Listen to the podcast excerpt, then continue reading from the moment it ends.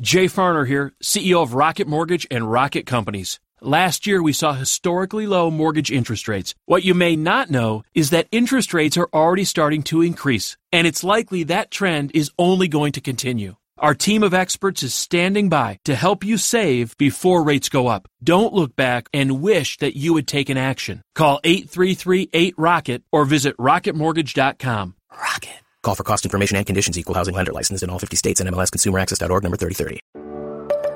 This is what matters most, and I'm Matt Popovits. Look, life is crazier than ever, and lots of people, maybe even you, are feeling anxious and overwhelmed. Today's message is designed to help you figure out what's most important and to experience the peace and joy that God intends for you. Because life is a gift, and it shouldn't be wasted on worry. I'd like to give you a resource, something to help you navigate the road ahead. Just go to mattpopovits.com, click on the icon, and we'll send it to you. That's Matt, P-O-P-O-V-I-T-S dot com. And hey, if you happen to live in the Houston area, I'd love to see you on a Sunday morning at St. Mark in Spring Branch. Head to stmarkhouston.org to plan your visit. Here's today's message. Thanks for listening. Do not be anxious. These are Jesus' oh so helpful words for us this morning. Do not be anxious. Uh, when I read those words, I wonder if Jesus really knows who he's talking to these days. because we live in an anxious world, we are anxious people, and, I am an anxious person at times. I'll be, I'll be ready to admit it. And, and Jesus telling me not to be anxious doesn't make me any less anxious. That's like when my wife and I are in a fight, uh, uh, or what we call a passionate discussion. That's like me saying to her, You shouldn't be angry about this. It doesn't help. It definitely makes her angrier. And then in the reading we just heard, think of the things that Jesus mentions. He says, he says, don't be worried about your food, your clothes, uh, or about your life in general. Has Jesus never been on Instagram? Like our food and our clothing are like the only things that we take pictures of these days because we're obsessed with these things. I, I ate breakfast like an hour and a half ago, and I'm already obsessing over what I'm going to have for lunch. And now that I've told you that I'm already thinking about lunch, I'm a little self-conscious about my eating habits, so I'm feeling like I need to go for a run this afternoon. we are anxious people. It's part of the human experience. I'm not alone. We are all riddled with anxiety at different moments. We have this instinct inside of us where we want to take little things and, and make them big things, and so we obsess about them and turn ourselves around and wind ourselves up on all of these things. And if we're being honest, Jesus telling us, don't be anxious, doesn't actually solve anything. When I hear the words from Jesus, don't be anxious, my palms start to sweat a little bit. My heart rate increases just a little. And I start to wonder, what's for lunch? And I don't think I'm alone. Now, the good news is that Jesus doesn't leave us in this place. He doesn't just stop with the imperative, don't be anxious. He's got more in mind for us than to remind us of our anxiety. Uh, his statement, don't be anxious, is what people of our theological tradition would call the law.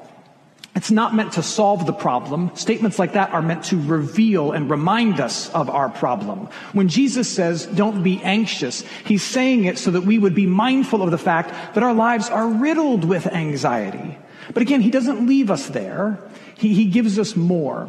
Jesus goes on to talk not just about us and our anxiety in the reading we just heard, but he talks about somebody else in that reading. Perhaps you noticed it.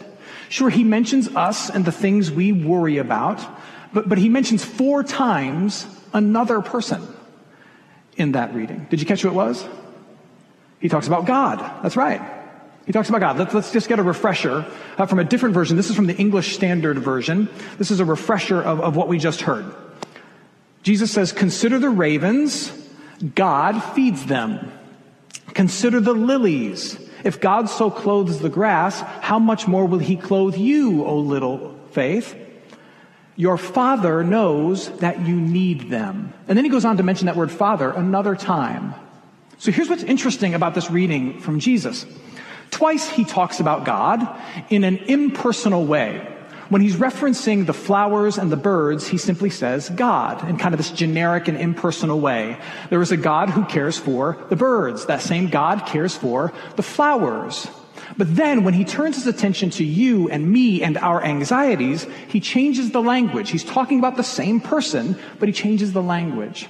Rather than talk in an impersonal way about God, all of a sudden when he talks about you and me and our anxieties, he uses a different word. What word does he use? Father. That's right. So th- there is a God over the birds, a God over the flowers of the field. That same God is your Father. And this is a very simple but a profound point that Jesus is making for anxious disciples. The God over all things is your Father. Let me say that again because if you grew up in the church, you can take that phrase for granted. The God over all things who cares for even the birds and the grass that is here today and gone tomorrow. That God is not just a God to you, nameless and faceless and distant. This God over us all is your Father. Now, Jesus makes that point for his anxious disciples for two reasons. When Jesus reminds us that God is our Father, he is pointing to the source of our anxieties and also the solution for so many of our anxieties. Now, the source of our anxiety, at least according to Jesus' teaching here, is that we tend to live as if we are orphans. We tend to live, spiritually speaking, as if there is no good father above us. And it's kind of how our hearts are conditioned from the moment we're born. We live and we act as if we are on our own. Sure, we have family and friends around us, but there's this sense that our well-being and our, our success and our wholeness and our peace is sitting squarely on our own shoulders. It's all up to us. If we're going to be okay, we have to make it okay. And in the world we live in, that's the message we get relentlessly. I think the world around us is very well intentioned, but it's not helping our anxiety problem. The world around us is intent these days on telling you that you can have the best life possible. You can reach your fullest and highest potential. You can achieve all of your dreams. All you got to do is try, but you must try. And notice it keeps the pressure where? Not here. Right here. It amps up the anxiety. And friends, here's something you've probably learned from your own experience. If peace is going to be a byproduct of your own hard work, you will never really have any peace. If peace is a byproduct of, of how hard you work and how well you do, you will never really have any peace because there's always more work to do, isn't there?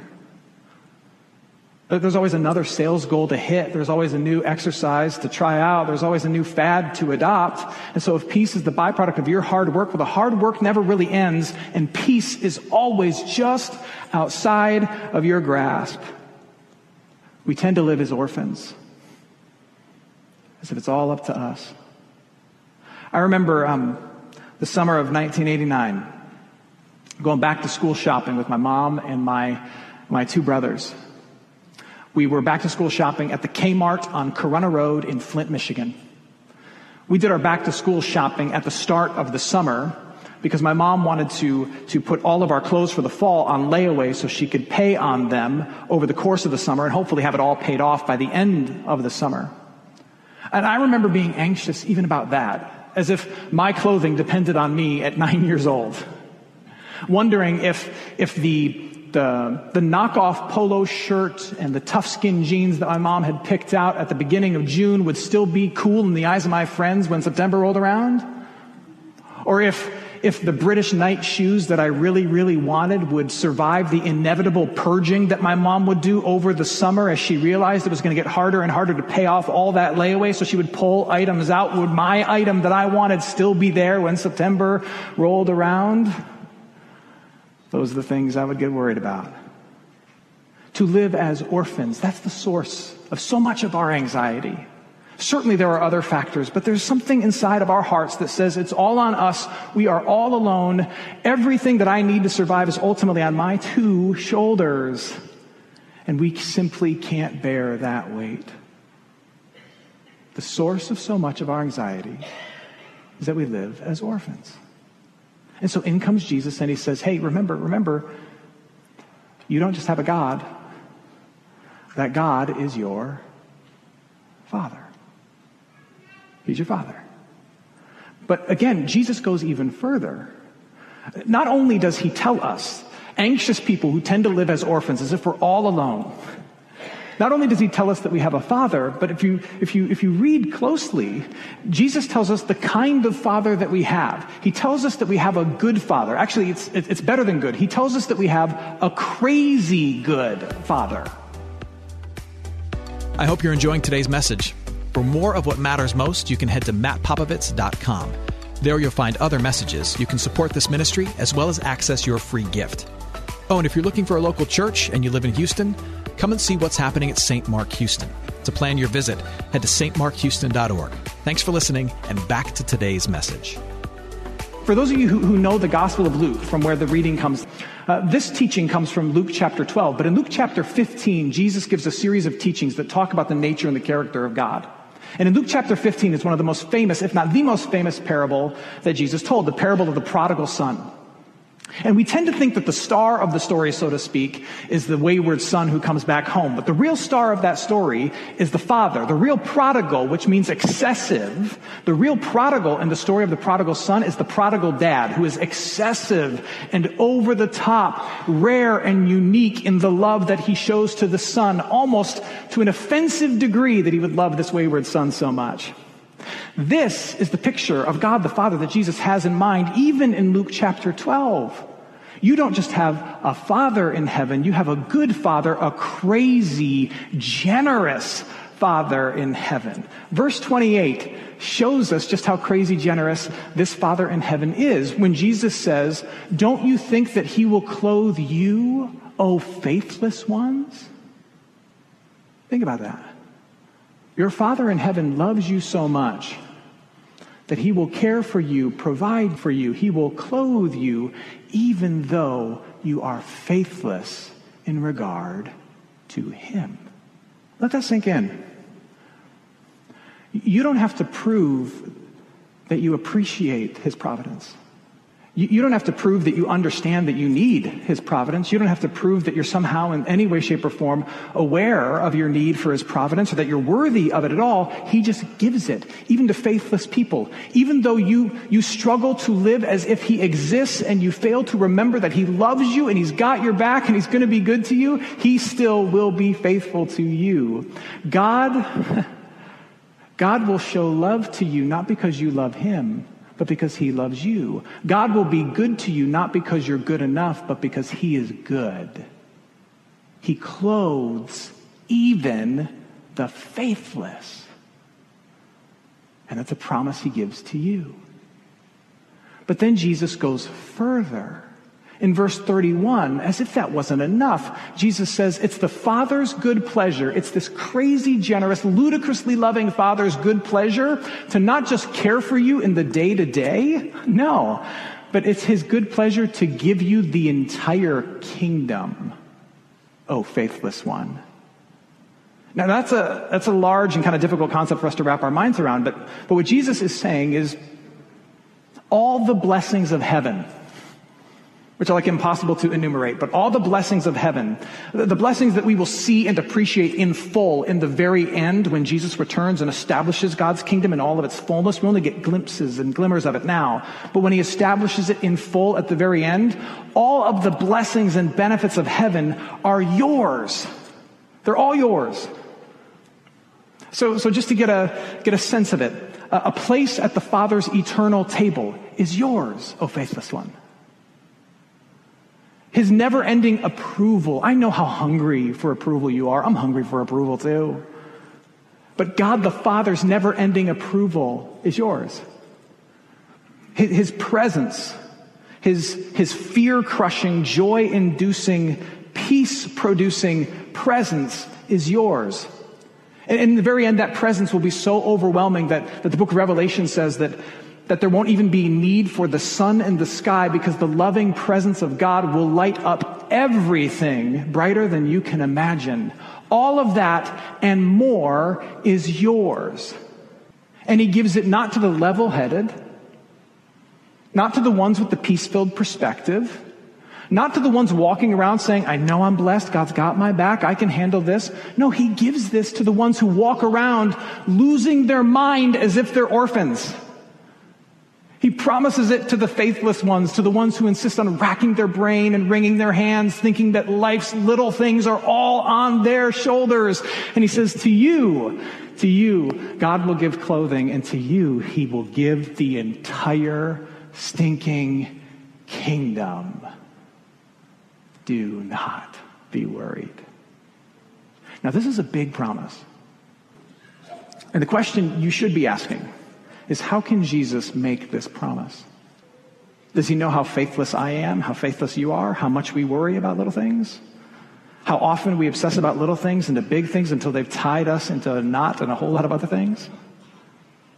How can Jesus say this? Well, Jesus can make this promise in Luke chapter 12 because he knew what he was going to do in the last three chapters of Luke. For those of you who know the story of the death of Jesus, you know that Jesus uttered some things on the cross while he was, while he was dying. Uh, Matthew's gospel captures it best when he says, My God, my God, why have you forsaken me? Now, those words are significant for a number of reasons, but in the context of, of Luke chapter 12, they, they take on a, a unique significance. Jesus, throughout his entire life, he referenced God as Father. In, in relation to himself, he talked about my Father in heaven, my Father in heaven, my Father in heaven. And those who were connected to him, he shared that. He said, He's your Father as well. He's your Father as well. He's your Father as well. When Jesus talked about the Father in reference to himself and in reference to those who were connected to him, he always called God his Father. And yet, and yet, when he's dying on the cross, he yells out, not my father, my father, why have you forsaken me? But now all of a sudden he uses the impersonal and distant name of God, just saying, my God, my God, why have you forsaken me? Why is that? Why does he change his language now? Because in his death on the cross, Jesus was becoming the orphan. In his death on the cross, Jesus was becoming the one who was disconnected and, and, and divorced from the Father with no relationship to him. Jesus was becoming the one who, who doubted all the promises, who, who lived as if the Father didn't exist. Jesus was becoming the one who didn't have the relationship and taking the punishment that that deserves. Jesus was being treated as the outsider so that justice could be done and we could be treated as the insiders. Jesus was being treated as the orphan with no relationship so that we could enjoy all that he is, the son, the child of the Father with the fullness of relationship in our hearts and at our dispense. Jesus was treated as an outsider so we could be treated as an insider. He was stripped of his clothing like a flower plucked of its petals by the one who planted it. And he was killed like a bird shot from the air by the falconer that set it free. So that you could be forever wrapped in the love and the mercy and the goodness of God, so that you could be secure in your relationship as a daughter as a son. That's why Jesus can look at his anxious disciples and he can say, Do not be anxious. You have a Father in heaven who knows all of your needs, and, and, and, and he's, he's God over all of the universe, and he, he provides for all of the universe, and yet He is your Father, and He's good. He's crazy good. He's incredibly generous. He will give you the entire farm, though you struggle to even have an ounce of faith in Him. And how do I know this? Oh, just wait and watch what I'm going to do for you. I'll be treated as the outsider so that you, you can be treated as I deserve, as the child as the favored son, as the one who belongs. That's how Jesus can make this promise. Now, I'd love to tell you that as this truth that you have a Father in heaven who is crazy generous, who promises to care for you today, and who will give you the entire kingdom in the very end, that as that truth gets, gets deeper in your heart and in your mind and, and becomes a part of your flesh and bones, that, that your anxieties on a daily basis will decrease and erase and you will live with nothing but peace. But that's not really the case. I do believe it gets easier that slowly but surely over the course of time, holding tight to these truths, you, you gain uh, an ever increasing peace filled perspective about your Father in heaven, whose you are, and what you really have to worry about. I do believe it gets, it gets better, but this side of eternity, it, it, it won't be cured. And I think that's why Jesus, at the end of his teaching, he encourages his disciples to do whatever they can to anchor their hearts into this truth so that on the really tough days they can hold tight to it. And, and, you might be wondering, well, how does Jesus suggest we anchor our hearts into the truth that we have a Father in heaven who loves us and who cares for us?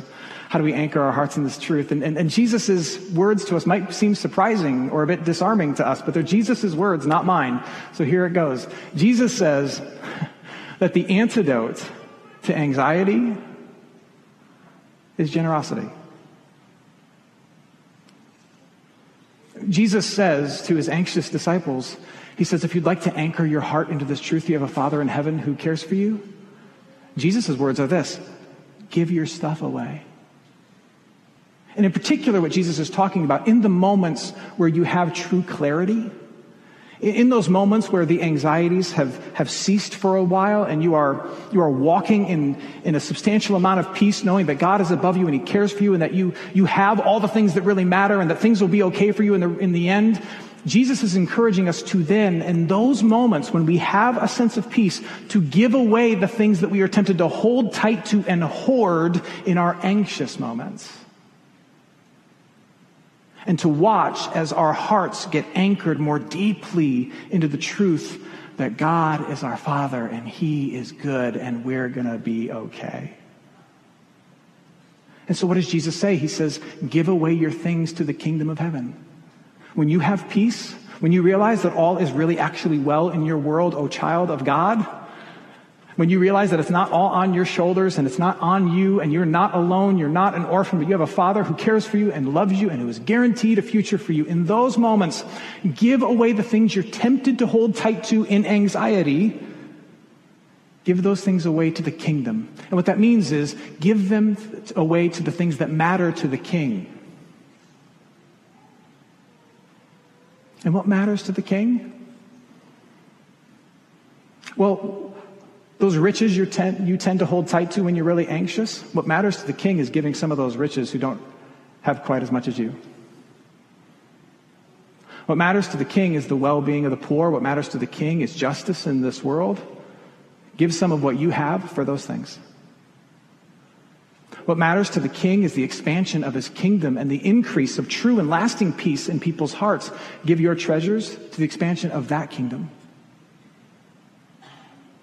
And Jesus says, Watch, watch as your heart gets more deeply rooted in this truth that your Father is good and He provides and you have all that you need. I dare you to try it. If you have a semblance of peace this morning, give away the things that you're tempted to hold to when you are anxious. Give them away and watch Watch what God does. I dare you to try it.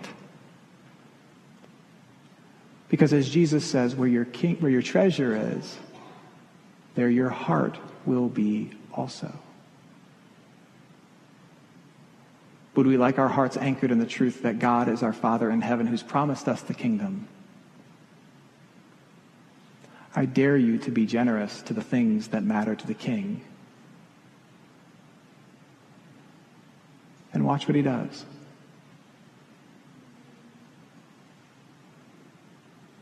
So, what does that mean for you?